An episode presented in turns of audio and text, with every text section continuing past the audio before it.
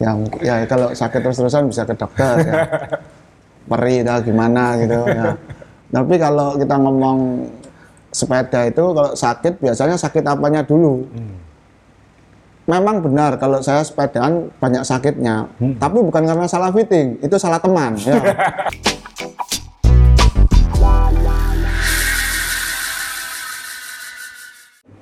Ya, teman-teman, uh, kita memasuki episode ke-20 tahun 2020 tanggal 20-an di podcast Main Sepeda bersama saya Azrul Ananda dan Om Johnny Ray. Uh, kita kembali di Wednesday Cafe. Kalau Anda datang ke sini, kalau ke Surabaya mungkin akan menemukan banyak koleksi sepeda. Uh, ada koleksi saya, ada koleksi Om Ray, ada koleksi teman-teman lain di Surabaya yang yang mungkin bisa jadi tempat background foto karena banyak yang menggunakannya untuk foto-foto. Ya. Ada di belakang saya agak ketutupan ada uh, Pinarello Dogma Ting 2 ditandatangani oleh Chris Froome. Uh, agak ke ujung kanan kalau tampilan kameranya luas di ujung paling kanan ada Cannondale Super 6 Evo lama itu ditandatangani oleh seluruh tim Cannondale termasuk Peter Sagan. Uh, dan ada beberapa sepeda yang punya kenangan dalam sejarah bersepeda kita ya Om Ria. ya. Jadi uh, kalau datang ke sini bukan hanya bisa ngopi dan makan, tapi juga bisa lihat-lihat koleksi. Uh, jadi tema kali ini kita akan kembali lagi menjawab pertanyaan-pertanyaan dari pendengar atau yang mengikuti di YouTube karena begitu banyak pertanyaan uh, dan menjawab pertanyaan jadi lebih gampang daripada mikirin tema ya Ria. Ya, dan juga kemarin tuh waktu saya gowes ada orang ngomong, Om, temanya yang menarik Om. Karena yang kapan hari itu orang menarik. Gitu. Nah, saya bilang, ya ini kan menarik itu enggak menarik untuk Anda, karena ini pertanyaan dari uh, uh, pendengar yang lain kan. Ya. Jadi apa yang menarik untuk pendengar yang satu belum tentu uh, menarik untuk pendengar yang lain. Tapi paling enggak kita berusaha uh, menjelaskan soal sepeda ini dari semua sisi lah, Pak. Ya. Adil gitu. Jadi. Ya, jadi mungkin uh, kalau kita mengundang Kohai yang usianya 70-an, mungkin yang usia 50 tahun ke atas suka kayak gitu Ya. ya. Tapi kalau kita ngundang, uh, kalau kita bicara soal menanjak, mungkin yang nggak suka nanjak nggak akan tertarik. Jadi ya kita ya, paling berus- enggak mendengar tapi mungkin kurang tertarik. gitu. kurang tertarik. Jadi ya kita berusaha tidak mungkin menyenangkan semua orang, itu itu pasti. Uh, yang penting uh, kita berusaha dengan cara kita menyampaikannya, Ya. dengan cara kita. Jadi tema kali ini kita akan kembali menjawab. Ada beberapa pertanyaan dan seperti dulu kan banyak juga yang minta bagi-bagi lagi dong kayak gitu. Nah Ya. khusus untuk hari ini pertanyaan-pertanyaan yang kita jawab atau yang kita singgung uh, akan mendapatkan jersey 5am warna hijau seperti yang di belakang Om Ray. Ya, Ya. seperti itu. Bukan manekinnya ya. uh, Jersinya? Jersinya, ya. Kalau sama manekinnya agak mahal, jadi jersinya aja. Ya. Jadi yang hijau seperti itu. Nggak manekinnya pendengar tuh sering senang yang bisa gerak sedikit. Oh gitu ya. Ya, kalau ini diam nggak bisa apa-apa. Jadi nggak, jadi suka. Ya. Terus nggak ada apa? Nggak ada alat buat niupnya di belakang ini. Ya. Ini pendengar laki atau perempuan? Karena ini manekinnya laki. Oh, salah. Ya. Pendengarnya yang laki. Jadi ya nanti mungkin uh, kita juga berusaha uh, punya tamu juga mewakili perempuan karena ini yang paling banyak diminta Om Ria. Tapi kan kita ingin kita benar-benar pengen spesifik siapa yang pengen kita undang. Om Ria spesifik pengen mengundang siapa. Kita tidak pengen sekedar mengundang orang yang ya, karena kan banyak uh, Itu cuma satu. Cuman satu yang kamu mau. Enggak, enggak, enggak. Maksudnya cuma satu yang saya mau. Maksudnya yang yang ingin saya undang itu Iya. satu atau beberapa maksud saya gitu. Oh, oke. Pertanyaan ini, pertanyaan. Pertanyaan. Ya terserah Anda kan mengundang. Pokoknya setiap kali kita ngomong tema perempuan, yang milih harus Om Ria soalnya. Eh, Karena katanya kan kita nggak mau yang pura-pura atau apa kayak gitu Iya, kan. iya, Yang- iya. Kan banyak yang tampilannya keren di sosmed tapi anu pendengar yang lain Ya. masukannya suka melihat siapa di Ya. layar YouTube dan di jadi kita tunggu ya Ya. masukannya ya. Ya nanti kita kita usahakan apalagi ini agak pandemi jadi uh, untuk mengundang yang dari luar kota agak kesulitan. masih agak sulit tapi nanti begitu situasi sudah mungkin kan kita pasti bikin yang aneh-aneh. Ini Om Rey sudah pengen aneh-aneh soalnya. Apa nih? Ya, nggak tahu kan yang kamu undang kan harus ini gitu kan. Oh, Enggak, enggak. Sekarang enggak. Sekarang enggak ya. Sekarang masih apa? Setengah lockdown dulu ya. Iya. Oke. Pertanyaan pertama langsung ya. Jadi uh, kita sudah menyiapkan beberapa uh, perlengkapan di sini untuk membantu menjawab karena Ya. kadang-kadang menjawab dengan omongan saja mungkin kurang kurang uh, tuntas. Uh, pertanyaan pertama mungkin nanti ini pertanyaannya dari Aditya Wijaya. Ini ditanya waktu episode 14. Jadi sudah lama ini. Pertanyaannya adalah Pak Capsek, tolong jelaskan hubungan antara cadence dan heart rate. Katanya nahan cadence bisa membuat bakar lemak lebih efektif asal heart rate ada di zona 2. Meskipun nanyanya ke Capsek tapi biar Om Rey dulu yang menjelaskan ini. Eh, ya cadence dan heart rate ini ya gimana ya kalau jantung heart rate itu kan biasanya dihitung jumlah degup jantung per menit Nah, yang pernah kita singgung sebelumnya takaran atau batasan umumnya 220 dikurangi umur Itu yang yang paling gampang. Ada Ya. yang lebih spesifik, ada yang lebih spesifik tapi itu yang paling gampang ya. ya jadi kalau saya ya masih 200 lah ya masih dikurangi 20 gitu ya Ya, jadi 220 dikurangi 20 tahun umurnya Om Rey ya. Ya. Nah. Jadi masih bisa 200. Bisa tapi belum tentu kecapai kan Ya. gitu ya. Nah, kalau eh, namanya ke jantung ini kan kalau di permobilan itu kan seperti mesinnya ya. Jantung kita ini seperti mesin yang mengalirkan darah ke seluruh badan. Ya. Nah, jadi kenapa ini berhubungan? Ya jelas karena semakin cepat kaki kita berputar, tentu saja eh, otot itu meminta suplai darah yang lebih eh, lebih banyak ya, lebih cepat gitu. Nah, kenapa eh, perlu dicatat bahwa kenapa latihan itu disarankan untuk cadence yang berputar lebih tinggi daripada eh, mengecilkan gear jadi satu kali engkolan gini bisa jauh Ya. supaya membagi eh, kerja otot ya. jadi otot kakinya bisa tidak terlalu capek diganti dengan otot jantung karena otot jantung itu eh, lebih mudah dilatih daripada otot kaki dan juga lebih mudah istirahat ya jadi kalau istirahat sebentar aja otot jantung itu kan cepat kembalinya gitu. Iya. Kalau kita sudah, kalau pendengar sudah biasa uh, olahraga sepeda yang kardionya tinggi ini nanti pasti otot jantungnya jauh lebih bagus. Naiknya cepat, waktu istirahat juga turunnya lebih cepat. Jadi jelas saja pasti berhubungan. Cuman uh, perlu dicatat kemarin ada seorang teman saya tuh bertanya kalau cadence itu uh, pahanya kerasa panas, kalau gearnya dikecilkan tidak kuat kakinya. Nah ya ini berarti ya kurang latihan ya, kurang menyamakan apa. eh, yang penting kita tuh tahu dulu kalau eh, memutar crank sebanyak idealnya udah 90 100 atau 80 sampai 90 lah kalau normal. 80 sampai 90 90, itu ya. yang yang yang paling tidak ada angka pasti kan. Ada yang bilang 90 sampai 100, tapi saya dapati dan tiap orang beda-beda. Ya. Kalau saya nyaman saya antara 80 sampai 90. Ya. Kadang 95 masih oke. Tapi ada teman yang nyamannya itu di 90 sampai 100. Jadi tiap tiap orang bisa Ya. Beda-beda. Tapi ya range ya anggap aja 80 sampai 100 lah ya. 100 mungkin terlalu terlalu Mutual. terlalu tinggi ya mungkin. Ya. Tapi 80 sampai 90 itu eh, nyaman saya kira. Kalau nanjak dulu sih waktu masih belum banyak teori-teori soal eh, goes, maksudnya belum terlalu banyak teman goes, eh, Ya. teman-teman goes kita masih lebih senior dan lebih tradisional dalam latihan.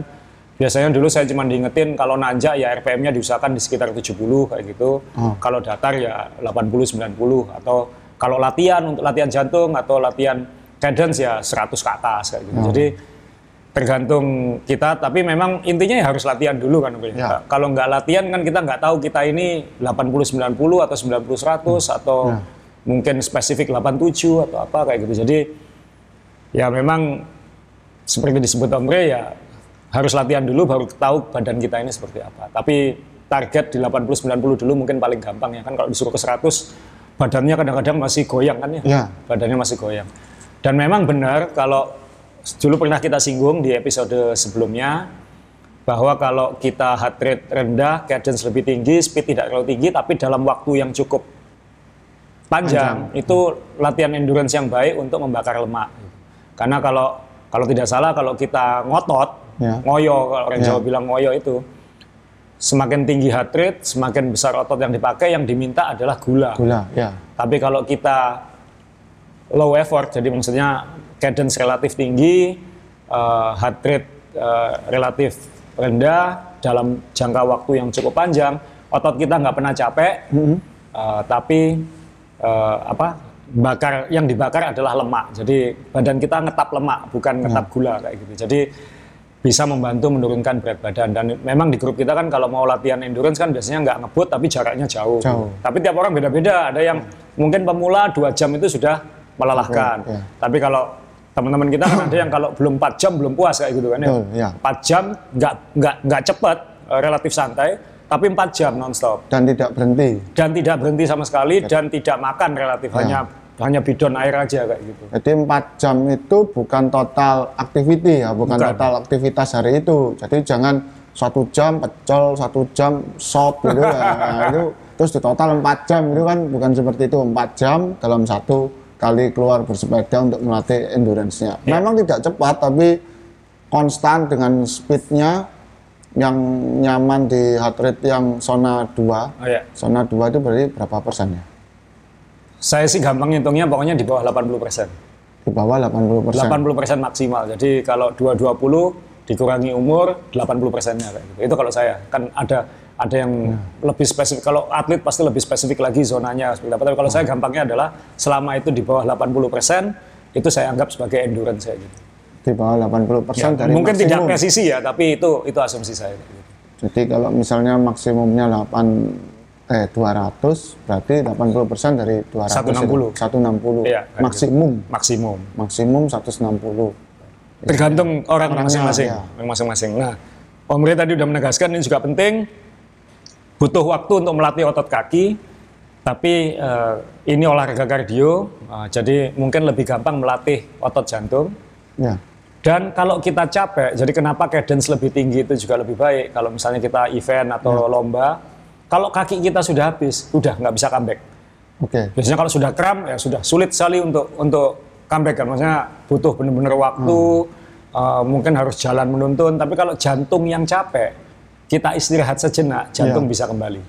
Karena jantung ini sudah latihan otot duluan, Om. Latihan terus tanpa kita, Ya, dari kecil kan harus gerak jantungnya. Iya. Kalau tidak dut. Ya. ya misalnya akhir bulan waktunya tagihan datang kan sudah latihan kan kayak gitu ya. Ya. Handphone ketinggalan juga Juga latihan ya. Jadi it- jadi ya latihlah jantung karena toh kalau niat tidak kita semua ingin jadi atlet toh, yang penting kan jantung kita sehat dan lain-lain kardio kan. Jadi itu kira-kira menjawab. Semoga Mas Aditya bisa lebih eh, mengerti. Eh, mohon maaf kalau misalnya belum komplit betul. Kalau belum komplit betul, tolong eh, mungkin cari dokter. Tapi dokter jantung juga belum tentu gowes. Jadi Nah, maksudnya paling enggak kalau mau ditanyakan lagi di komen tuh bagian mana yang Iya. ditanyakan Ditanyakan. lebih detail. ya. Oke, yang pertanyaan berikutnya, wah ini Om Rey kayaknya yang paling menarik menjawab ini. Ya, ini pertanyaan dari Antonius Satrio. Ya. Om Asrul Ananda dan Om Joni Ray, izin bertanya. Akhir-akhir ini sedang booming orang bersepeda. Banyaknya orang bersepeda juga berbanding lurus dengan kejahatan jalanan yang mengincar pesepeda. Seperti penjamretan hingga penodongan dengan target utama handphone dan dompet. Sampai ada penjahat melakukan aksinya dalam keramaian bukan di malam hari. Ya, karena jarang yang bersepeda di malam hari memang. Pertanyaan saya adalah, eh, saya tambahkan eh, seperti di tulisan saya sebelumnya bahwa kejahatan ini tidak melulu untuk handphone dan dompet. Ini ini serius ya. Karena untuk kaum wanita itu ada kejahatan yang iseng hanya untuk melecehkan dan itu sudah terjadi. Jadi bukan karena me- yang men- eh, kena korban ini kaget, tapi kalau kaget itu karena sepedanya harus jaga keseimbangan itu biasanya kaget dan jatuh. Ya. Nah kadang-kadang kan eh, apa ya? Ya maaf kalau biasanya keisengan seperti ini dilakukan itu biasanya di orang yang jalan biasanya. Tapi kan orang jalan kan cuma kaget gitu. Ah gitu sudah. Tapi kan jalan. Kalau Ini- ini cewek maksudnya? Ini cewek ya, Ya, cewek ya. ya. Tapi kalau yang diganggu ini cewek bersepeda, kagetnya itu kan jatuh gitu ya. Apalagi kalau berkelit gitu kan jatuh kan di aspal kan bahaya, kalau belum lagi dengan resiko kendaraan yang lain gitu. Ya. Jadi eh, saya tambahkan di sini untuk lebih hati-hati lagi karena eh, kejahatan itu ada yang seperti itu. Nah, saya teruskan pertanyaan saya adalah ad- adakah tips dan trik untuk menghindari kejahatan jalanan tersebut? Ada yang bilang menggunakan jersey dengan sip atau resleting akan lebih aman, tetapi ada juga korban penjamretan yang jersey-nya disobek. Ada yang menyarankan juga memakai tas pinggang, lari, dan masuk dalam jersey. Tapi apakah dengan cara tersebut nyaman? Ada juga yang menyarankan untuk menggunakan tas sepeda ditaruh di frame. Tapi apakah akan aman dari penodongan? Mohon informasinya Om AA dan Om JR. Terima kasih. Jadi memang serba sulit ya. Selama barangnya kita bawa kan, kalau memang niatnya mengambil kan ya, Ya. segala cara. Kalau pakai zipper ya dijamret, ya disobek. Kalau ditaruh di tas ya tasnya yang diambil. Jadi ya kalau memang niatnya sudah sudah jahat ya, mau kita sembunyikan pakai cara apa aja ya pasti akan di diambil kan dengan segala cara kan kayak gitu. Ya, beberapa tahun yang lalu teman saya itu di bukan dijamret ya, istilahnya dibegal mungkin karena yang diambil sepedanya. Ya. Eh, bukan- Apalagi kalau yang diambil sepedanya, semuanya akan langsung kena. Ya. Ya. Dan yang susahnya bukan di situ, dia sempat luka karena yang nyamret itu pakai apa pisau, pedang dan seperti gitu. Ya. Bukan dia tidak mau nyerahkan, dia sudah mau mau nyerahkan, tapi kan dia lagi di jalan. Ya. Sepatunya berkelit kan. Ya. Nah, seketika itu menyerahkan kan si penjahat ini kan tidak tanya lepas dulu klitmu gitu kan tidak mungkin gitu. Iya. Jadi dia waktu mau lepas klit ini sudah ditarik-tarik gitu. Oh. Jadi dia sudah uh, waktu itu tangannya pesat-pesat terus uh, kena apa pisaunya itu. Ya. Terus terus dia jatuh juga gitu. Ya. Nah, jadi uh, kita agak benar-benar apa ya harus hati-hati betul dengan kejahatan ini karena ketika kita di sepeda ketika posisi kaki kita itu masih masuk di klit itu, apa klit itu masih masuk di pedal itu kan sangat bahaya karena mereka maunya narik si sepedanya kalau kita tidak pakai klit kan tinggal loncat Ya. paling jatuh tapi kalau ini kan sambil keseret karena sepedanya mau diambil tadi itu itu catatannya Jadi kalau misalnya kayak gitu kan berarti kan ya memang uh, kalau memang niatnya sudah jahat kan segala cara akan dilakukan. Ya. Jadi apa pun yang kita lakukan pasti ya semua pasti ada risikonya kayak. gitu. benar ya Jadi yang kalau saya ditanya yang paling aman ya kalau bisa jangan sendirian sudah kayak gitu. Ya itu kan? nomor satu begitu ya. Nomor satu adalah meskipun berdua pun juga bisa di ya, dibegal atau ya, di tapi paling enggak kemungkinannya lebih kecil. lebih kecil Nah, ya Dan juga kejadian pernah Om maksudnya dia tuh sebenarnya nggak sendirian. ya Dia mencoba ikut kelompok yang cepat, ya copot, oke akhirnya sendirian. betul Jadi kalau ditanya kamu goesnya sendirian, enggak. Tapi waktu itu posisinya di belakang Oh ini sendirian. kayak, kayak saya kemarin ini berarti. ya. saya kemarin sama temen-temen itu cuman eh, sebetulnya gawe sendiri Iya. karena sama yang lain itu cuma ketemu di start dan tidak semua ketemu di finish. Jadi Ditinggal ya. Ditinggal ya. Jadi memang ya kalau kita ngomong makanya sebelumnya waktu kita bahas mob, eh, sepeda motor PCX yang buat mengawal atau marshal itu Ya. Kenapa saya garis bawahi eh, sebisa mungkin ngawal kita dari dekat atau tempat yang paling dekat dengan rumah atau Iya. apa langsung gitu karena ya kita nggak tahu kejadian itu akan terjadi di mana gitu. Iya. Walaupun di perumahan eh, sepi juga yang jaga biasanya di ujung gate-nya aja. Iya. Ketika di jalanan yang lampunya mati juga rawan. Iya. Di jalan yang ramai pun kadang-kadang mereka juga tetap berani. Teman saya dulu salah satu eh, pernah itu diambil kacamatanya, padahal minus kan itu. nah, padahal kacamatanya minus diambil, jadi dia pulang nggak bisa pulang karena nggak bisa lihat jalan. Itu pernah kejadian seperti itu. Jadi Ya. jadi ya memang ya susah ya. Pokoknya Ya. intinya ya kita kita hanya bisa berusaha mencegah dengan ya jangan sendirian. Saya sih kalaupun saya terus terang saya sering sendirian kan, gitu. Ya. Sendirian dalam artian benar-benar sendirian Oh, keluar. sepedaan ya? Ya sepedaan sendirian, bukan bukan copot dari kelompok atau bukan terpisah dari kelompok, tapi memang diniati sendirian kayak gitu. Yang saya lakukan biasanya ya ya paling risiko pasti saya pasti bawa Garmin atau bawa baik komputer sama pasti bawa handphone. Ya. Jadi ya dua barang yang bisa di rampas kan kira-kira itu. Betul. Tapi kalau soal uang, apa sebenarnya saya bawa se- benar-benar secukupnya aja kayak itu. Maksudnya toh belum tentu berhenti di warung atau berhenti di uh, kafe, biasanya langsung pulang ke rumah. Jadi mungkin nggak perlu terlalu bawa uang atau apalagi bawa kartu ATM dan lain-lain. Ya risikonya ya tetap baik komputer sama Food. handphone dan tentu sepedanya kayak gitu. Iya. Tapi jadi yang saya bawa seminimal mungkin. Jadi kan saya sering lihat orang pergi tuh kayak udah kayak padahal goesan cuma 30 kilo tapi kayak mau pergi camping kan gitu kan ada tas di frame, Ya. ada di ada Di backpacknya, gitu. Ya. ya, ada saddle. Wah, pokoknya terlalu banyak yang dibawa gitu. Dan itu bikin kita lebih nggak tahu itu bikin lebih pelan atau bikin lebih menarik perhatian kan kita juga nggak tahu. Jadi eh, saya sih seminimal mungkin membawa barang kayak gitu. Yang pasti yang menarik perhatian itu yang sering terjadi tas lempang.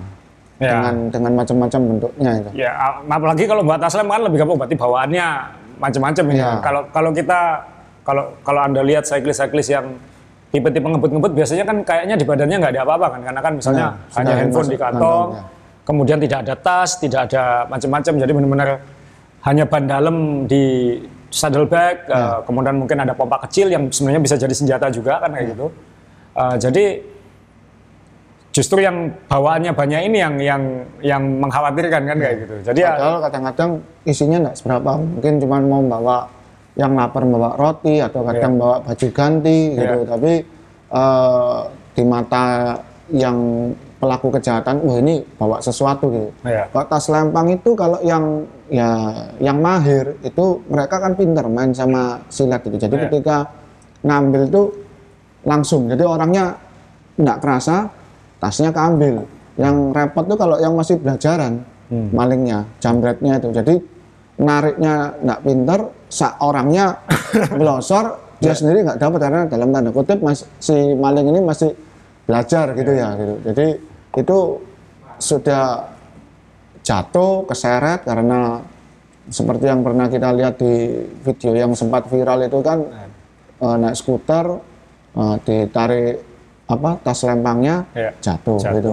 Jadi ya sebisa mungkin nggak usah bawa tas macam-macam lah. Anda mau goes keluar kota emang kan nggak juga Nah, kan. kalau tas itu ya tas yang kelihatan di pannier itu kan tas yang nggak mungkin dijambret gitu ya. Maksudnya kalau jambret tas itu ya mungkin sak sepedanya sudah diambil sekalian dan itu pun isinya ketara kalau mau minggat gitu. Jadi mungkin dia si pelaku kejahatan ini mungkin juga kasihan ya. gitu ya. Dan kan si jambret ini mungkin masih ada rumah yang perlu dikasih makan makanya jambret. Ya, kalau yang minggat ini mungkin sudah tidak punya rumah makanya minggat atau ada masalah di rumah terus minggat. Jadi paling enggak si pelaku kejahatan bisa lebih kasihan dengan yang begitu. Nah, kalau soal jersey pakai resleting dan lain, saya sih kan ada yang bilang kalau beli jersey yang ada resletingnya. Gitu. Hmm. Saya sih dua sisi ngelihatnya ya. Biasanya ada di Iya. depan. Iya. Maksudnya di kantong. Oh, iya. Ah, jadi kalau saya bilang sih itu apakah itu benar-benar safe juga belum tentu. Kalau Iya. memang udah di stop mau diambil kan ya tinggal dibuka aja resletingnya gampang banget. Toh juga masih kelihatan ada barang di dalamnya. Ah, berarti itu kan ilusi aman kan. Betul. Kalau anda merasa lebih aman dan nyaman ya silakan. Monggo, ya. Menurut saya sih nggak ada bedanya kayak gitu. Masa mau disembunyikan di sini kan lucu ada kotak penyembul di di perut atau di apa Ya, kalau kan yang tadi sepertinya apa? Tas pinggang tas tapi pinggang kan bawah. malah ya. lebih kelihatan kayak gitu. Kalau eh, sepedaannya model sepeda yang tegak begini, Ya. ya itu mungkin masih mungkin tas pinggang. Itu pun eh, ya maaf ya biasanya kalau terutama laki-laki itu foto aja nah napas, masa ini mbak tas pinggang gitu Iya, ya. Jadi walaupun dia di dalam jersey ini kan kalau orang foto, uh, kok gendut gitu ya. Iya. Ya, foto aja mesti tahan napas gitu biar habis foto gitu, gitu lagi ya. Jadi masa taruh tas pinggang biasanya nggak mau gitu Iya. untuk apa ya walaupun sepedanya 5 kilo fotonya kan harus bagus, Bagus, gitu iya. ya. Jadi biasanya selain itu nggak enak di foto juga jelek juga kalau sepeda road bike ganjel gitu loh yang airbag nempel di badan aja belum bisa dilepas apalagi ditambah tas pinggang itu biasanya tambah ganjel gitu. Nah, ada lagi sebenarnya trik, tapi mungkin karena disebut di podcast ini akhirnya jadi yang niat jahat juga jadi tahu triknya ini Om Rey. Ya, Tapi ya kita sampaikan aja ya. Ya, Uh, kalau di luar negeri itu banyak cara menyembunyikan. Jadi seolah-olah di badan ini nggak bawa apa-apa. oh, Kan kita kalau goes biasanya ada dua bottle cage, ya, dua bidon. betul. yang satu bidon isi air, yang satu sebenarnya kosong. Biasanya teman-teman isi jamu itu. Enggak, tapi ini ini diisi ya, handphonenya taruh di situ, Oh. dompetnya taruh di situ, uangnya taruh di situ. Jadi seolah-olah bawa dua botol minum di badannya nggak bawa apa-apa. Oh, itu juga di- ditaruh di bidon Iya. ini Cuman nanti. pastikan botol kecnya kuat ya. Kalau misalnya nanti kena gelombang lompat ya, ya. bukan bidon yang hilang itu Eh, itu handphone dan semuanya. hilang ya. Jadi itu juga salah satu trik. Jadi kalau di luar negeri katanya itu salah satu selain badan jadi juga lebih sedikit bawaan, Ya. tapi eh, apa namanya eh, sepeda tidak kelihatan seolah-olah bawa banyak barang. Karena kadang-kadang bidon itu juga digunakan untuk naruh ban dalam Iya. nah, dan lain-lain. Jadi supaya tidak bawa eh, apa eh, Di saddlebag atau saddlebag atau apa. Jadi lebih minimalis tampilannya kayak gitu. Jadi ya ada ada trik-trik seperti itu juga eh, kalau untuk ingin menyembunyikan. Tapi ya gara-gara diomongin ini mungkin malah mungkin malah jadi jadi lebih apa ya? pinter. Lebih pinter yang yang jambret yang diambil bidonnya sekarang gitu. Setelah diminum kok rasanya aneh ya. Wah ini isinya apa ini? Ah, Oke itu terus ada juga sebenarnya beberapa bib yang eh, yang Punya kantong. punya belakang. kantong. Ya sekarang terkenal namanya eh, Adventure.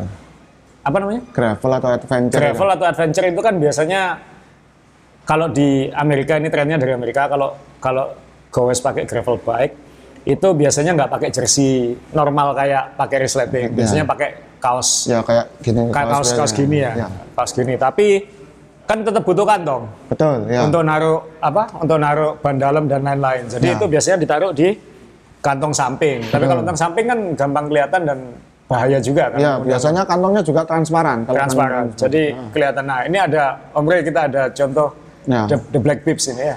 Ini Black Pips salah salah satu yang bisa kita bawa bisa kita tunjukkan ini namanya Black Pips. Nah, yang dimaksud kantong samping tadi itu ini. Jadi di, di pahanya itu ada Nah, kantong. tapi ini kalau dipakai kelihatan kalau sini ada barangnya. Nah, ini misalnya begini, nah, ini di sini, ini Kelihatan. pahanya kelihatan kan kalau nyembul. Nah, yang jadi tersembunyi ketika bib seperti gini nih, nah bagian belakangnya ini ada kantongnya. Kelihatannya ini kecil tapi kalau handphone seukuran ini aja masih masih bisa masuk. masih bisa masuk.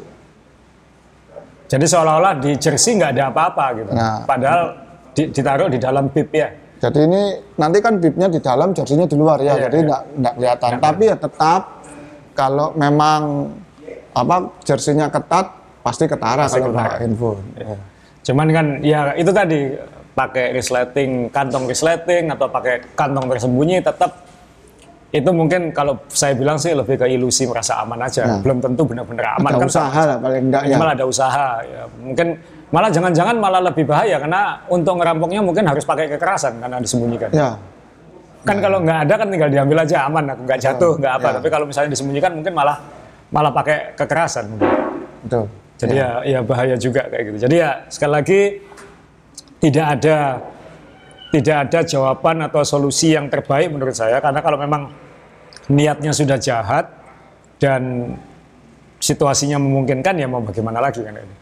Dan ini di negara-negara yang maju pun seperti di Inggris, di Eropa, di Amerika ya tetap terjadi Tetap- juga. tetap terjadi, Jadi ya sekali lagi yang paling aman kalau buat saya ya jangan goes sendirian. Mungkin Ya, dan, dan juga kalau salah, salah satu tambahan saran saya ketika goes itu tidak sendirian, ketika melihat apa yang aneh, itu biasakan mengeluarkan suara, teriak atau gimana. Jadi eh, yang misalnya gini, kalau kita lagi berbaris, lagi berpeleton, yang di dekat itu pasti tidak kelihatan. Yang kelihatan itu pasti cyclist yang di bel- belakangnya. Ya. Nah, jadi misalnya ada yang mau mepet gini, dia aja apa awas atau apa gitu. Jadi orang tuh, uh, kok ada yang teriak gitu. Maksudnya ada aware-nya, ada eh, perhatiannya ke situ. Jadi yang dideketi pun bisa hati-hati gitu ya.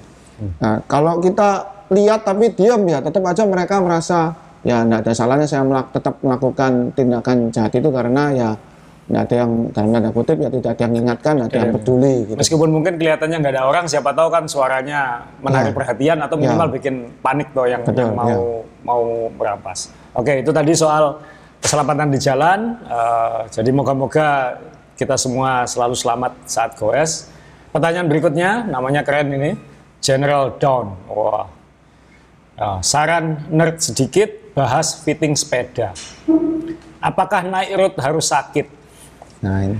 Ukuran MTB dan road yang membingungkan rider pemula. Mending mana? Sepeda kebesaran yang dikecilkan atau sepeda kekecilan yang dibesarkan dalam artian ganti stem dan sadelnya. Jika tidak bisa mendapatkan sepeda sesuai ukuran, jadi mending sepedanya kekecilan atau sepedanya kebesaran. Ya. Kemudian efek pedal clip, maksudnya clipless ya, clip ya. Kalau pakai road dengan fitting sepeda. Kemudian yang terakhir posisi ideal sepeda road untuk endurance, comfort dan untuk race serta manfaatnya masing-masing. Wah ini ini sebenarnya satu tema sendiri bisa ini. Ya. Tapi kita coba nanti mungkin kita akan bahas Oke. secara lebih eh, Rinci. rinci, tapi sekarang mungkin kita coba bahas dengan cara yang yang paling sederhana dulu. Eh, biasanya kan ada orang kalau beli sepeda biasanya tanya ke saya, perlu nggak sih bike fitting? Menurut saya sih perlu, tapi Ya. kalau dia belum pernah goes, ya nggak usah pakai bike fitting yang rumit, nggak usah bayar jutaan rupiah, pakai komputer dan lain-lain untuk bike fitting yang yang paling modern. Ya. Kenapa? Karena dia sendiri belum tahu posisi yang enak buat dia apa, ya kan? Ya. Tiap orang kan beda-beda kayak gitu. Ya. Nah, jadi kalau pertama kali beli sepeda, ya yang penting nyaman di awal dulu. Jadi ya pakai manual bike fitting aja, Eh, mekanik atau toko sepeda biasanya bisa. Jadi diukur manual aja, yang penting duduknya pas, posisi kakinya kelihatan pas, belum benar-benar pas tapi kelihatan pas. Lalu silakan goes. Nanti setelah beberapa lama, setelah merasa nyaman, setelah merasa lebih sering sepedaan, nah baru silakan dicek posisinya secara komputer. Apalagi kalau belum pakai klip, belum pakai clipless pedal. Ya. Menurut saya jangan fitting yang mahal-mahal. Karena Kenapa? itu berubah lagi. Berubah lagi karena kalau kita pakai klip posisi kaki kita kan ngunci mati gini kan di Ya. di pedalnya. Jadi posisi kaki kita akan statis. Jadi setelah itu tungkai kaki, paha, badan, punggung sampai kepala akan mengikuti posisi Yang kaki ini. Kaki ini ya. Nah, kalau dia belum pakai klit, kan dia pakai sepatu biasa kan posisinya bisa begini-begini, bisa Ya. bisa di depan, bisa nginjak pakai tumit, bisa nginjak pakai jari. Jadi dia masih geser-geser, bisa tengah.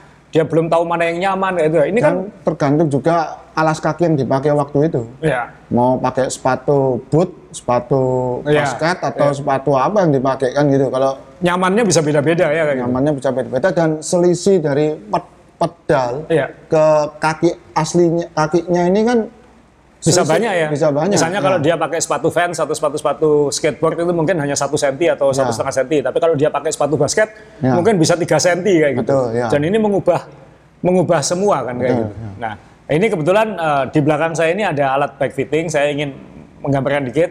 Saya pakai clip on jadi bisa berdiri enak. Eh, jadi saya ini juga salah satu menjawab pertanyaan juga. Saya sering ditanya Om Anda kan punya puluhan sepeda. Ya. Gimana memastikan semua sepeda Anda itu enak dipakai gitu kan kadang-kadang baru beli sepeda, sepeda ini sama sepeda ini kok nggak enak kayak gitu. Jadi tadi kita bilang kalau kalau belum pakai klip klit ya fitting manual aja, setelah pengalaman pakai klip baru fitting lebih serius. Jadi setelah kita fitting lebih serius berarti kita punya resep Ya. kayak dari dokter kan kayak berarti eh, tinggi sadelnya berapa, tinggi panjang handlebarnya berapa, itu kan ada resepnya semua. Jadi nanti kalau kayak pembalap profesional ada resepnya semua. Jadi mekanik pembalapnya datang itu tinggal buka resepnya, sepedanya disetting, pembalap itu nggak perlu mikir lagi, tek pasti pas. Karena sampai milimeternya pasti pas. Sudah nah, ya. caranya pakai apa? Pakai alat seperti ini. Ini ya saya beli alat ini karena sepeda saya ada puluhan di rumah. Jadi untuk memastikan semua sepeda saya sama Hmm. posisinya, ya pakai alat ini. Jadi nggak peduli frame-nya lebih kecil atau lebih besar, angkanya akan sama kayak gitu. Oh. Jadi misalnya eh, yang dan saya baru belajar dan diajari juga ini waktu di luar negeri bahwa kan kadang-kadang orang itu sering, ini saya ada meteran, biasanya kalau beli sepeda dan ini pasti dilakukan di toko-toko sepeda di Indonesia, dia akan misalnya saya punya sepeda S-Work misalnya, kemudian saya beli track, Ya. Uh, ukurannya kurang lebih sama, padahal belum tentu sama persis kan, mungkin Ya. milimeternya bisa beda gitu. Ya. Yang dilakukan biasanya hanya ngukur ujung sadel, diukur sampai handlebar. Oh, disamakan kayak gitu. Sama. Udah itu dianggap sama, padahal itu sangat salah gitu. Itu itu melencengnya bisa beberapa sentimeter gitu. Ya. Ya, untuk tambahan beberapa sentimeter itu eh, nanti sepeda yang dibeli dengan mahal itu bisa kerasa nggak enak karena bukan salah sepedanya tapi salah settingnya. Salah settingnya ya. Yang lupa biasanya orang bahwa walaupun tampak sama dari BB dan derajat kemiringan seat post itu tiap sepeda berbeda. Iya. Itu yang membuat mengukur dari handlebar ke ujung seat post itu tidak valid karena kemiringannya itu Bisa macam-macam bisa ya. macam-macam. Jadi situpnya bisa miringnya beda, head tube-nya panjangnya bisa beda, miringnya Ya. bisa beda, slopingnya top tube-nya bisa beda gitu. Jadi jadi saya diajari kalau pembalap profesional itu yang dicari sebenarnya hanya dua, Om. Ya. Yang dicari adalah tinggi saddle Ya. sama saddle setback namanya. Karena itu memastikan posisi kaki kita sama. Kakinya, betul. Jadi kalau posisi kaki kita sama, nanti tinggal mau bungkuk atau mau tegak, itu tinggal menyesuaikan apa namanya? eh, Kelenturannya ya. ya tinggal kita Senangnya. lentur atau tidak, Ya. kita pengen agresif atau tidak gitu aja. Jadi angle angle-nya punggung ini menyesuaikan. Tapi yang pertama ya tinggi saddle. Nah ini juga tinggi saddle ini juga orang kadang-kadang cuman cuman dah gini aja kan Rin. Ya. Padahal yang benar adalah saddle-nya. Saddle kan panjangnya macam-macam. Ada yang 30 cm, ada yang 25 cm kayak gitu. Cari titik tengah saddle-nya, ditandai titik tengahnya, Ya. lalu diukur dari titik tengah saddle itu sampai ke BB.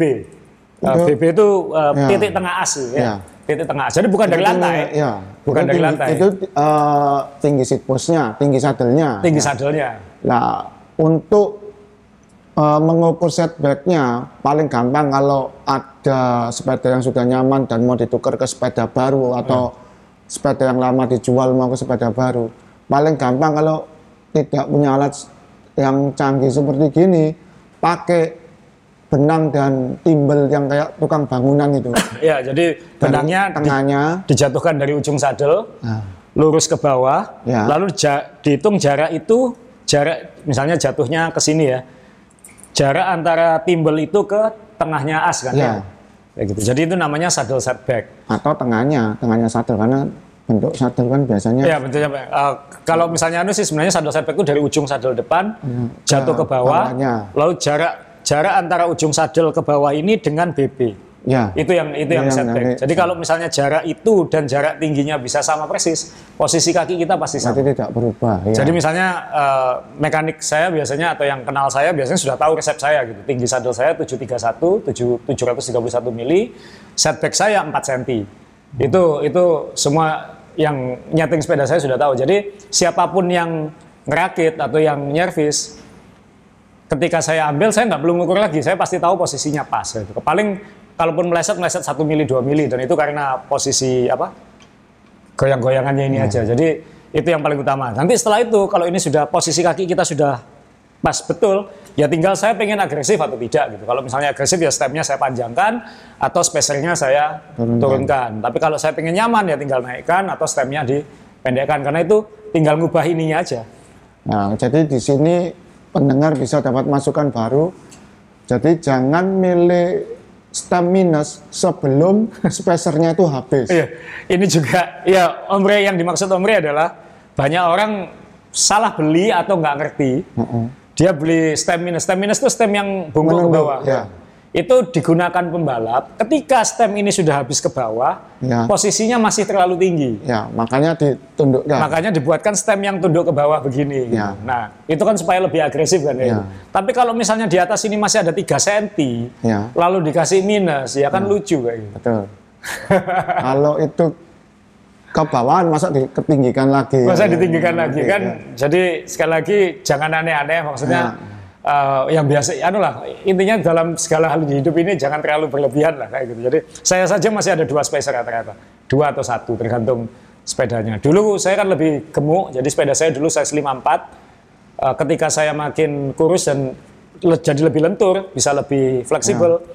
Akhirnya sepeda saya yang 54 semuanya sudah habis sekarang. Dan saya harus pakai stem minus Oh. untuk supaya sama dengan sepeda saya yang size 52. kecil-kecil, Ya, kayak ya. gitu. Jadi sekali lagi ini eh, ya tidak harus pakai alat ini, eh, tidak harus pakai alat ini, ini bisa presisi banget.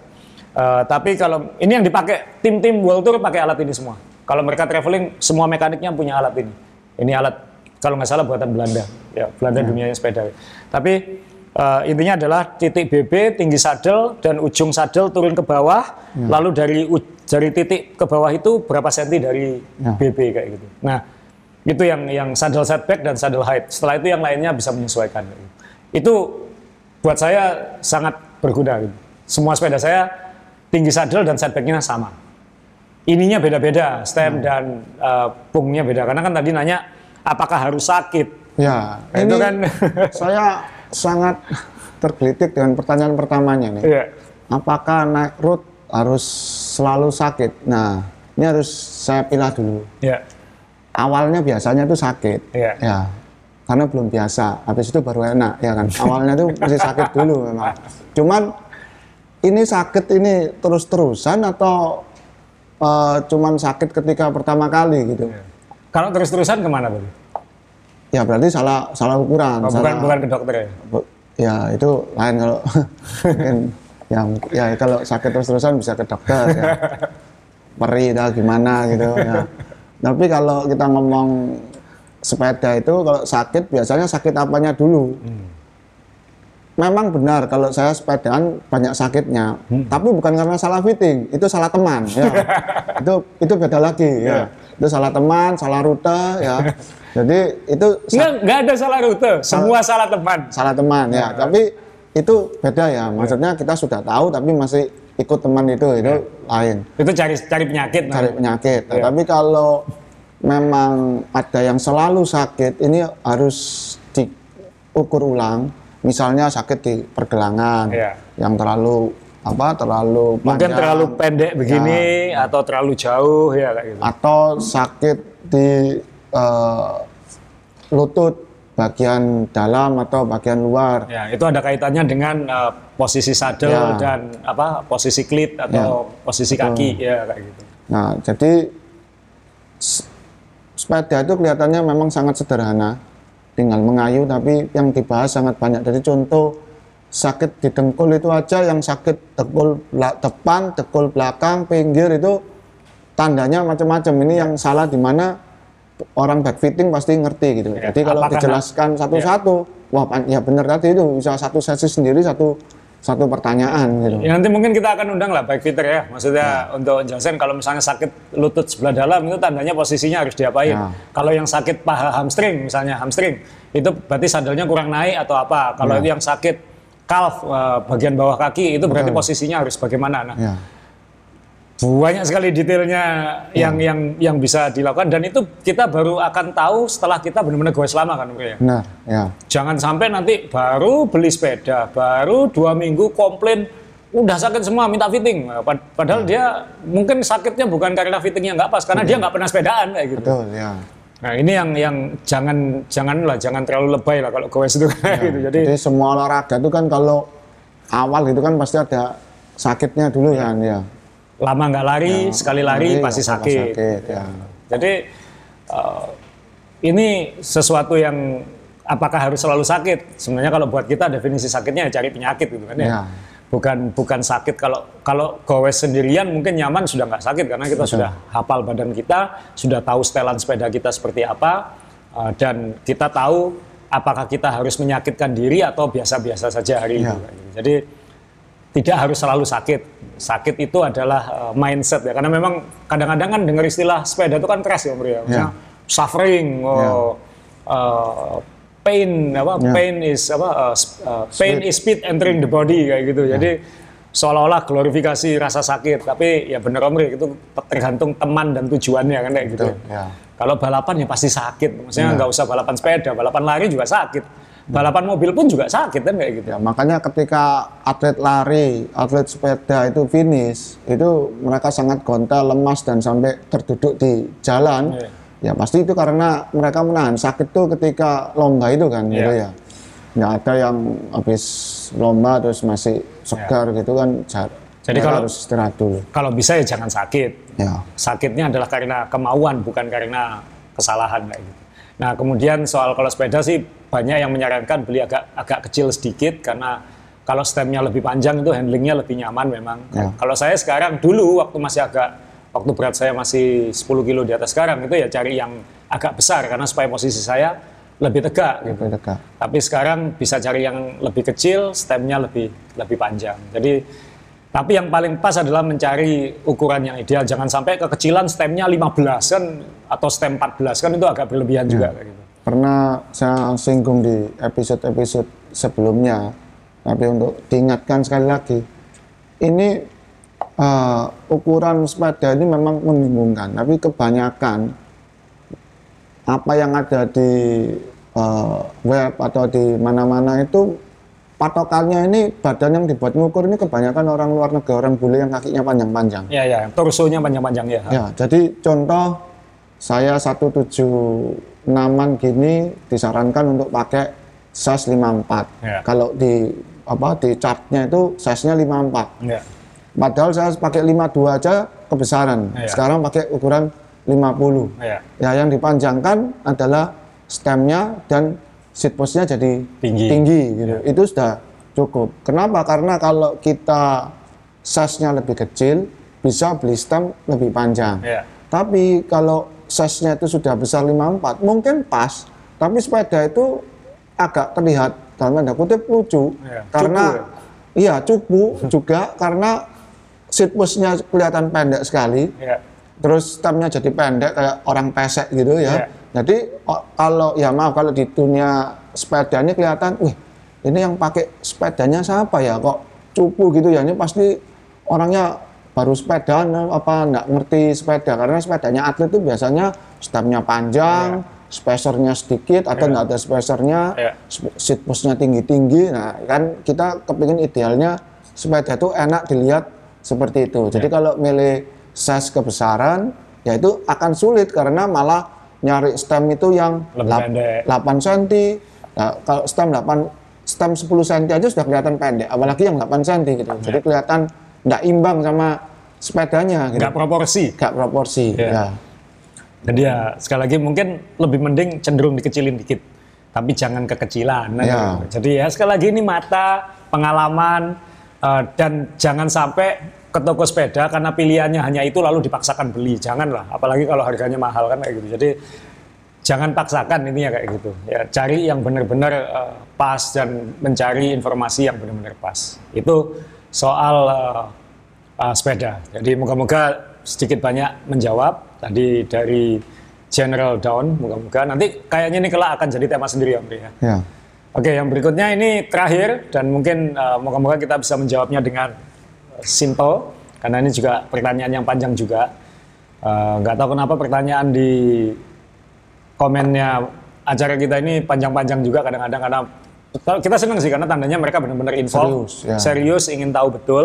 Ini pertanyaan dari Avandi Hartanto. Uh, salam Om Azrul dan Om Joni. Uh, sebelum episode 18 ini saya tertarik mencari tahu kelebihan dan kekurangan format group set road bike dengan kombinasi brake dan drivetrain. Jadi satu, disc brake dan elektronik group set. Dua, rim brake dan elektronik group set. Tiga, disc brake dan mechanical group set. Empat, rim brake dan mechanical group set. Jadi uh, ad- sepeda ini memang banyak sekali perintilannya Om Ria. Uh, Tapi namun di episode 18 waktu itu kayaknya bicara soal hujan ya. Uh, ada format kombinasi ideal untuk beater bike. Jadi sep- sepeda yang tidak takut dihanjuk, digunakan di segala cuaca dan medan yaitu frame-nya bukan karbon, lalu kalau bisa disc brake atau dan mechanical group set. Jadi kalau misalnya ada masalah dengan hujan, dengan air itu sepedanya tetap berfungsi dengan baik. Jadi untuk jadi mungkin pertanyaan adalah eh, kombinasi mana yang yang bisa mungkin disarankan atau apa ya membahas masing-masing kombinasi ini. Dan sebagai perkenalan eh, Mas Avandi ini goes sejak tahun 2004 wih udah lama juga. Pernah kerja sebagai mekanik sepeda di luar Indonesia. Wah. Dan penggemar podcast. Makasih Wah, kayaknya Anda kalau pernah jadi mekanik di luar Indonesia kayaknya lebih pengalaman dari kita ini karena kita kan paling males suruh bongkarin sepeda sebenarnya kayak gitu ya, Bro. ya. Eh, cuman Om Red, ini kenapa kita pilih? Eh, karena Om Red dan saya mungkin punya sedikit persepsi agak beda soal satu grup set mekanikal atau elektronik, dua soal disc brake dan rim brake, ya kan? Ini ini sendiri sebenarnya nanti satu tema podcast sendiri sebenarnya sangat bisa sangat panjang. Ya. Tapi ini kita coba bahas dengan eh, sesederhana mungkin yang yang kita bisa. Jadi saya coba simpelkan aja adalah Kalau itu grup set, mekanikal atau elektronik, kalau itu soal rem, apakah itu disc brake atau rim brake. Oke, ya. Kita ngomong grup set dulu. Om Ray Ya. suka yang apa? Kalau jadi gini, mekanik dan elektronik tentu dua-dua ini punya alasan masing-masing ya. Tentu saja kelebihan atau keunggulan salah satu macam grup set ini akan diikuti oleh kelemahan di sisi yang lain. Ya. Ya, saya ungkapkan pengalaman pemakaian saya dengan mechanical group set dan elektronik. Jadi gini, kalau elektronik ini kesannya mewah dan muktahir ya, karena grup set itu tinggal ditekan-tekan kayak main PS gitu, Ya. gearnya sudah pindah. Apalagi dengan elektronik grup set elektronik yang sekarang ini sangat canggih, bisa disetel eh, untuk yang ke kaset itu supaya sprocketnya tidak apa cross chaining Ya. atau bisa otomatis eh, FD-nya itu bisa menyesuaikan eh, apa letak rantainya itu. Kalau ke sprocket yang tinggi dia yang di FD-nya itu bisa agak geser supaya nggak geser sama FD bisa otomatis geser jadi mewah. Ya. dan biasanya memang yang elektronik ini lebih lebih mahal. Tapi memang mewah dan enak. Enaknya ini akan kerasa ketika anda lelah ya. Ketika anda sangat lelah ya biasanya nanja itu sering ngoper-ngoper gear ya. Jadi landai sedikit. Pindah. diturunkan. Nah ini kelihatannya kalau anda pakai grup set ketika anda coba itu tidak akan membutuhkan tenaga besar ketika mem- memindah sebuah gear. Tapi kalau anda lelah anda akan ngerti bahwa uh, menaplek gini ini Melempar ya melempar gini ini sangat uh, pengaruh karena bisa-bisa kadang-kadang sudah capek itu sa setirnya tuh sama handlebarnya tuh bisa goyang ya. Atau uh, ya yang kalau Shimano itu kan antara mengecilkan dan membesarkan gear itu tetanggaannya dempet gitu ya. Iya. Jadi kadang-kadang mau ngecilkan malah membesarkan, membesarkan malah ngecilkan karena saking capeknya ya ini Atau uh, kayak serem lama double tap itu ya. Mau seharusnya satu Ya, klik, dua ya, klik gitu kan ya. Ya, Ya, jadi di sini akan jadi sangat berpengaruh ketika kita capek dan ingin pindah gear. Ya. Jadi elektronik itu sangat sangat enak karena e-tab yang baru itu jelas. Kalau yang dibuat yang kanan ini ngecilkan yang yang pasti yang kiri ini untuk naikkan gitu. Untuk ganti FD-nya harus ditekan dua-dua. Jadi jelas nggak mungkin walaupun capek ngantuk ini ngecilkan, ini besarkan nggak mungkin salah. gitu. Suka yang mana? apa itu? Ya itu, elektronik atau mekanikal. Sekarang mekanik. Apa?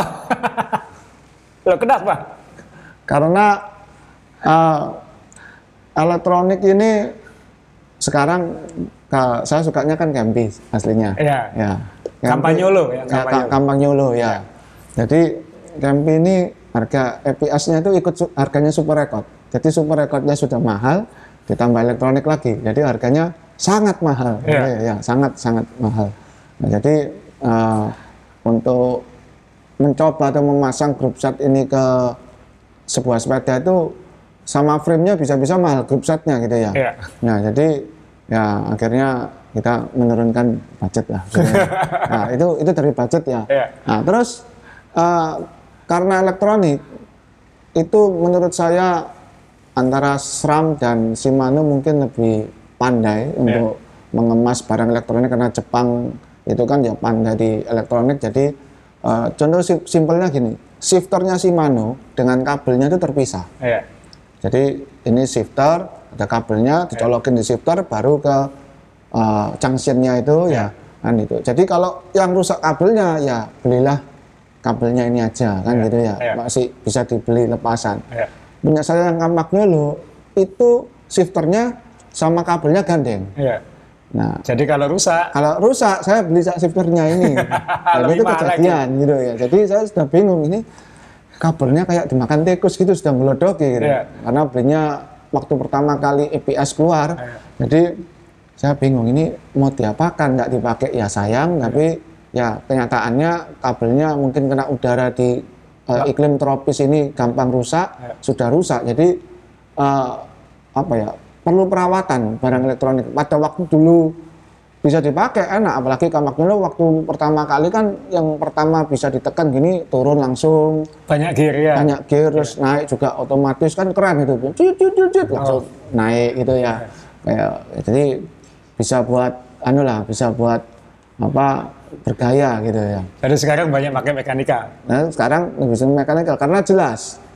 Nah, walaupun ya kalau orang-orang teman-teman saya dulu bilang ini kok sepeda kayak jemuran baju ya Ya. karena kalau mekanikal itu saya lebih senang yang kabelnya di luar yang Ya. masih kelihatan slingnya itu Ya. itu orang kan wah ini nggak rapi bagus kabelnya tuh di dalam padahal kalau benerin lebih susah kalau kabelnya di dalam tapi Ya, ini, mekanikal itu lebih sederhana ini adalah sudut pandang cyclist-cyclist baru yang Ya. suka semua kabelnya disembunyikan dan lain-lain. Ya. Dan mereka rata-rata tidak pernah merasakan susahnya nyetel sepeda atau merakit sepeda atau membongkar sepeda untuk traveling atau merakit dan lain-lain. Uh, sedangkan kita kan dari generasi yang klasik, Bertahap. yang pernah merasakan sepeda-sepeda klasik yang semua kabelnya masih di luar dengan Hmm. alasan meskipun kelihatannya itu kuno tapi sebenarnya kalau ada masalah itu paling gampang betulinnya kan ya gitu. karena kelihatan di luar kelihatan di luar dan nyetelnya juga lebih enak atau traveling juga lebih gampang kayak gitu Hmm. jadi ya memang ini ini persepsi generasi lah kayak gitu meskipun eh, kayaknya belakangan juga mulai tren-trennya juga mulai kabel tidak harus selalu disembunyikan kan kayak Ya. gitu buktinya specialized ITOS itu sekarang kabelnya keluar lagi kayak Ya. gitu ya mungkin karena kesulitan juga itu Sim- ya untuk simpelnya kan bisa diperbaiki di luar di gitu. luar kayak gitu. Jadi ya memang ini ini beda generasi. eh, tapi saya mungkin sependapat dengan Om Re bahwa dulu saya termasuk yang kasihkan dengan elektronik kan ya. Ya. Oh, maksudnya kan enak, yang ngik ngik ngik gitu kan pindah, pindah gigi kayak gitu. Ya. Apalagi sekarang ada yang eh, wireless, uh, e-tap tadi atau kayak seperti eh, yang di belakang saya ini pakai FSA K-Force W itu yang Ya. semi wireless. Tapi berkali-kali saya juga menghadapi masalah. Eh, misalnya ketika hujan-hujan, saya pernah cerita di podcast sebelumnya, ketika event di luar negeri, hujan lebat, bermasalah kayak ya. gitu. Sehingga tiap hari harus bongkar dan lain-lain. Kemudian eh, barusan beberapa hari yang lalu, sebelum kita podcast ini, saya pakai elektronik group set, sama teman-teman yang jahat-jahat itu agak ngebut, ya karena kita saling kejar, saling nempel, yang depan tidak menghindari lubang, dak, saya juga kena lubang itu, dak, keras sekali. Dan ini sudah berkali-kali terjadi selama beberapa tahun bahwa kalau kita menghantam eh, lubang atau benjolan di jalan, kadang kabelnya lepas kan ya. oh. Kabel yang di, kalau saya pakai Shimano dia itu, itu kabel yang di shifter ini, yang di dalam karetnya itu lepas. terlepas ya itu, sehingga tidak bisa Nggak- pindah. nggak fungsi akhirnya. Tidak Ya. fungsi ya. Kadang-kadang bisa ditekan ditekan pakai pakai Manual karetnya ya. dibuka ditekan sendiri pakai jari bisa kadang-kadang. Tapi kebetulan kemarin karena uh, Jurais yang terbaru itu kabelnya di sebelah dalam shifter harus pakai alat untuk dorong Oh, itu pakai kunci ya. aja nggak nggak cukup waktu itu jadi akhirnya uh, waktu itu enak sih alasannya nggak jadi nanjak karena kan Ya. chainringnya nggak bisa pindah ke kecil Ya. gitu. jadi akhirnya pulang jadi dan itu berkali-kali terjadi pada saya kena lubang apalagi di Indonesia ini jalannya banyak lubang dak gitu kemudian kabelnya ada yang lepas ya. Ke- kalau hanya di shifter mungkin nggak apa kadang-kadang kabel yang di dalam baterai juga Ya, juga lepas yang itu di dalam seat post sehingga kita harus bongkar sepedanya lagi jadi untuk keseharian memang saya lebih praktis pakai mekanikal sekarang gitu karena pasti nggak ada masalah soal pindah-pindah ini pasti nggak ada masalah gitu jadi dan ketika traveling juga lebih gampang. Eh, saya pernah pergi keluar kota lupa bawa baterai, waktu masih baterainya di luar dulu kayak gitu. Eh, dan kalau ada masalah-masalah, eh, pernah kita kejadian kita traveling ke Amerika waktu itu California, secara nggak sengaja teman kita itu menggunting sendiri, kan dibungkus pakai plastik sama tali. Kemudian maksudnya itu digunting talinya pembungkusnya itu, tapi kegunting kabel dia itunya, sehingga anu, anu katut katut katut tergunting kabelnya dan itu untung di Amerika gampang cari kabel penggantinya. Bayangkan kalau kita pergi tidak bisa menemukan kabel penggantinya itu Ya. kan sesuatu yang uh, mengkhawatirkan kayak gitu. Kalau mekanikal kan itu mungkin tidak akan terjadi, itu lebih gampang mengatasi masalahnya. Tapi ya memang pakai elektronik lebih keren. ya keren kita lebih ngik ngik gitu kan seneng gitu kita. Ya. Wah dan ini juga kalau di back komputer itu sekarang eh, terutama ini ya eh, SRAM itu Ya. otomatis sama back komputer itu bisa kelihatan oh ini Jadi nggak usah lihat-lihat nginceng-nginceng sprocket gini sudah tahu nih gear keberapa yang dipakai ini sudah bisa kelihatan di Garminnya itu sudah bisa terlihat. Padahal menurut saya sih nggak penting-penting amat gitu kan. Yang penting kan feel cadence-nya berapa ketika nanjak kan dia kan Nah, itu tahu. pengaruh Om supaya tahu ini masih ada gear untuk Kan kalau begini kan oh berarti sudah habis kan kayak gitu aja. nambah seneng kan ada ada layarnya tuh bisa kelihatan gitu kan. ya jadi itu pendapat kita. Ya mungkin eh, saya agak old school, tapi Om Ray di sini juga agak old school. Kita suka yang lebih simple.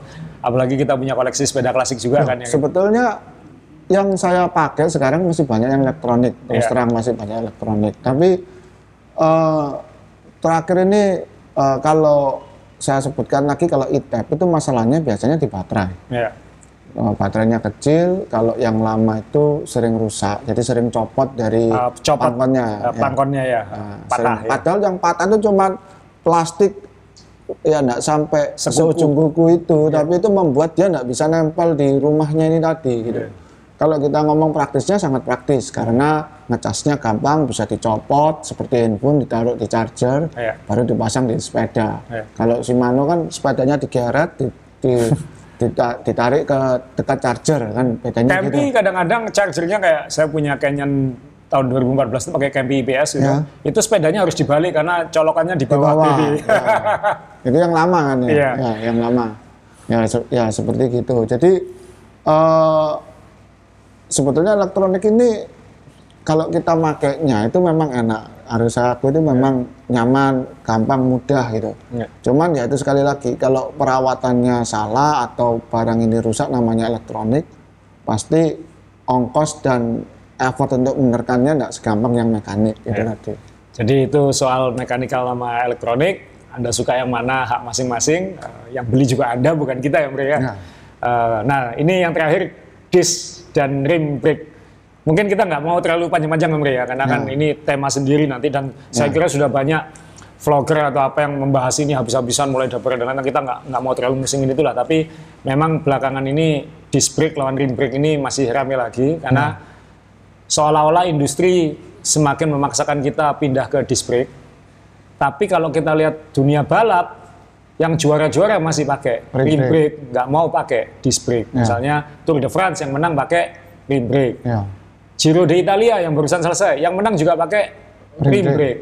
Dan ada tim-tim yang sponsor sepedanya itu menyediakan sepeda disc brake dan rim brake, pembalapnya malah milih yang Rim brake. rim brake kayak gitu. Padahal tinggal milih nih ya. Padahal tinggal milih kayak gitu. nggak perlu beli. Kalau kita ini sudah milih frame harus disc brake kebanyakan sekarang Ya, ini. Sekarang ini banyak kan sudah ya, nggak ada pilihan rim brake-nya kayak gitu. Ya. Nah ini sekali lagi memang ini didorong oleh industri ya, bukan didorong oleh balap. Ya. Jadi memang industrinya yang mendorong dan saya bisa membayangkan drivernya saya kira Amerika kembali jadi pendorong karena Amerika salah satu pasar terbesar di dunia, kalau bukan yang terbesar di dunia.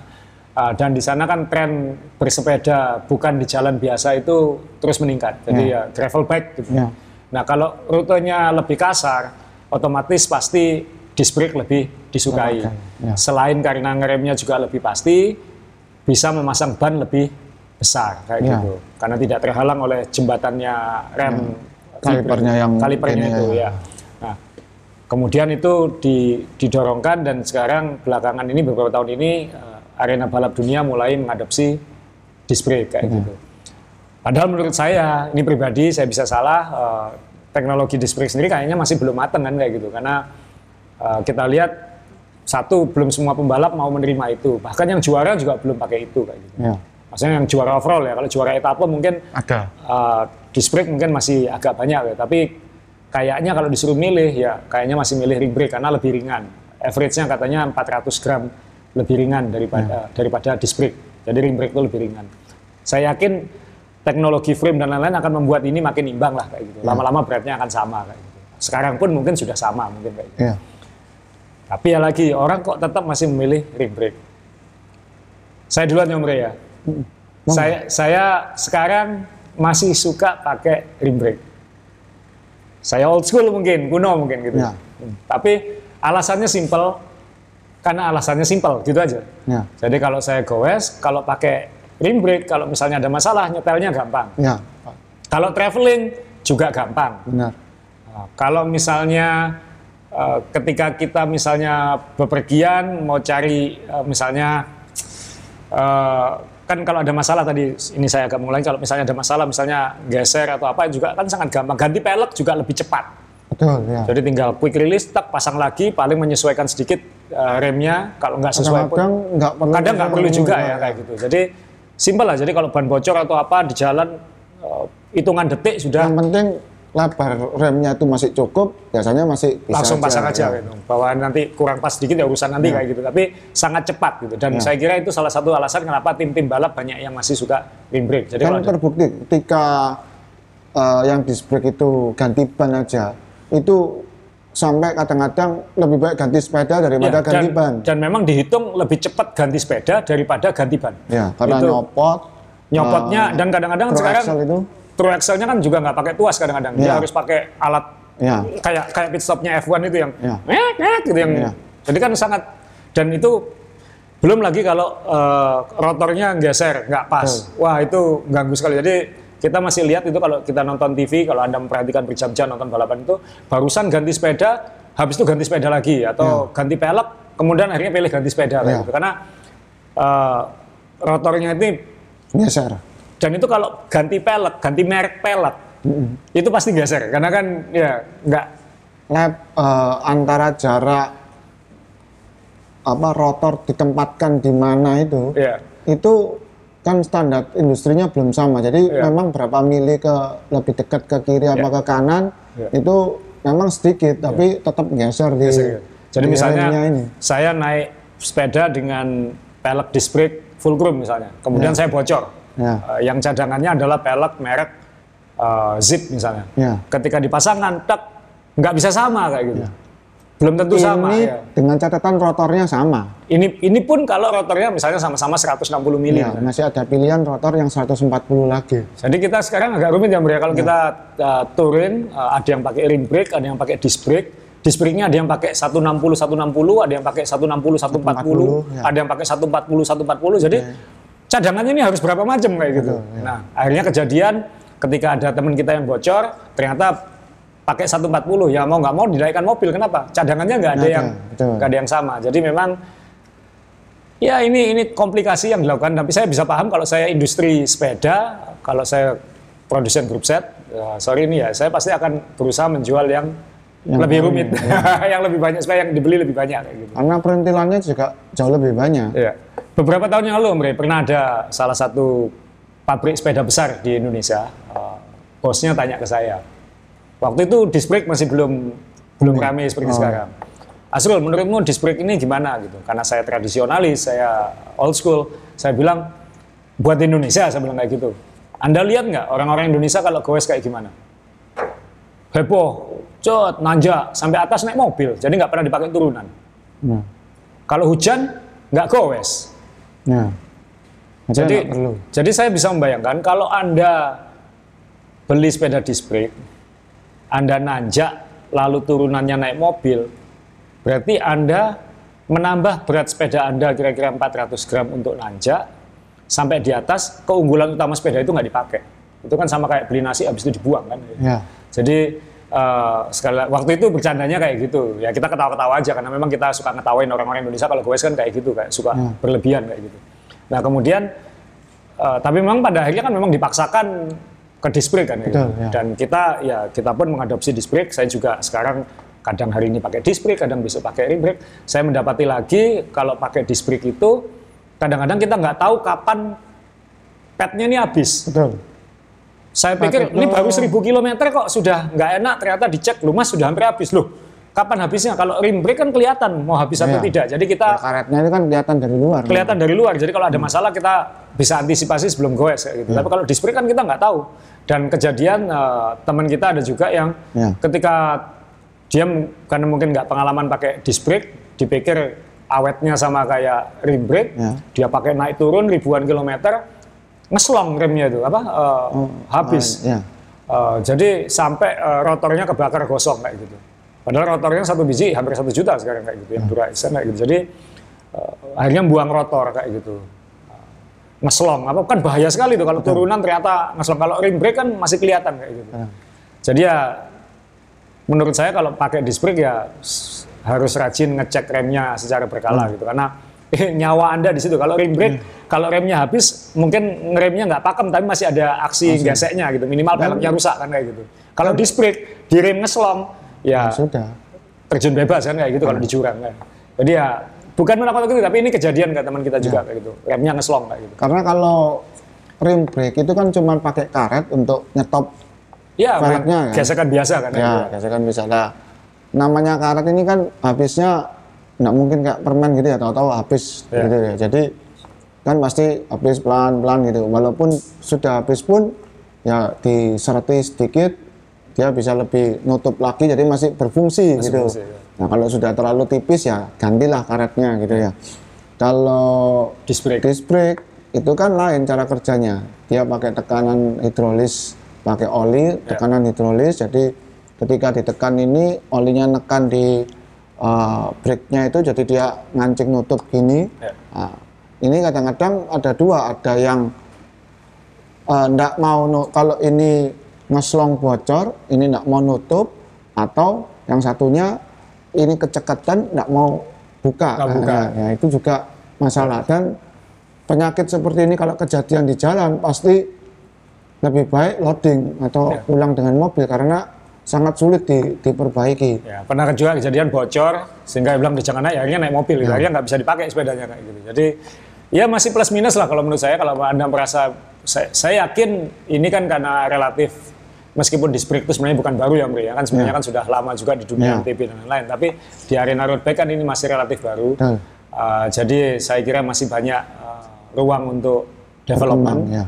Uh, saya yakin akan membaik terus. Uh, saya yakin semua produsen pasti tidak tinggal diam, pasti akan masalahnya apa pasti akan mencoba untuk mengatasinya sehingga karena keselamatan apa pun yang yang utama. Tapi saat ini sih saya masih masih unda-undi sih. Saya pribadi loh ya, maksudnya kalau keseharian praktis saya mending bawa rim brake keseharian praktis. kayak gitu. Tapi uh, ke depannya saya yakin pasti pasti display. Cuman sekarang saya mencoba mengkalibrasi diri untuk lebih berhati-hati. Jadi ngeceknya jadi lebih sering kayak gitu. Misalnya tolong cekkan remnya, tolong dibuka remnya, pastikan itu masih aman. Apalagi kalau mau ikut event atau agak jauh kayak gitu. Tolong pastikan jangan sampai nanti ketika event nggak bisa ngapa-ngapain kayak gitu.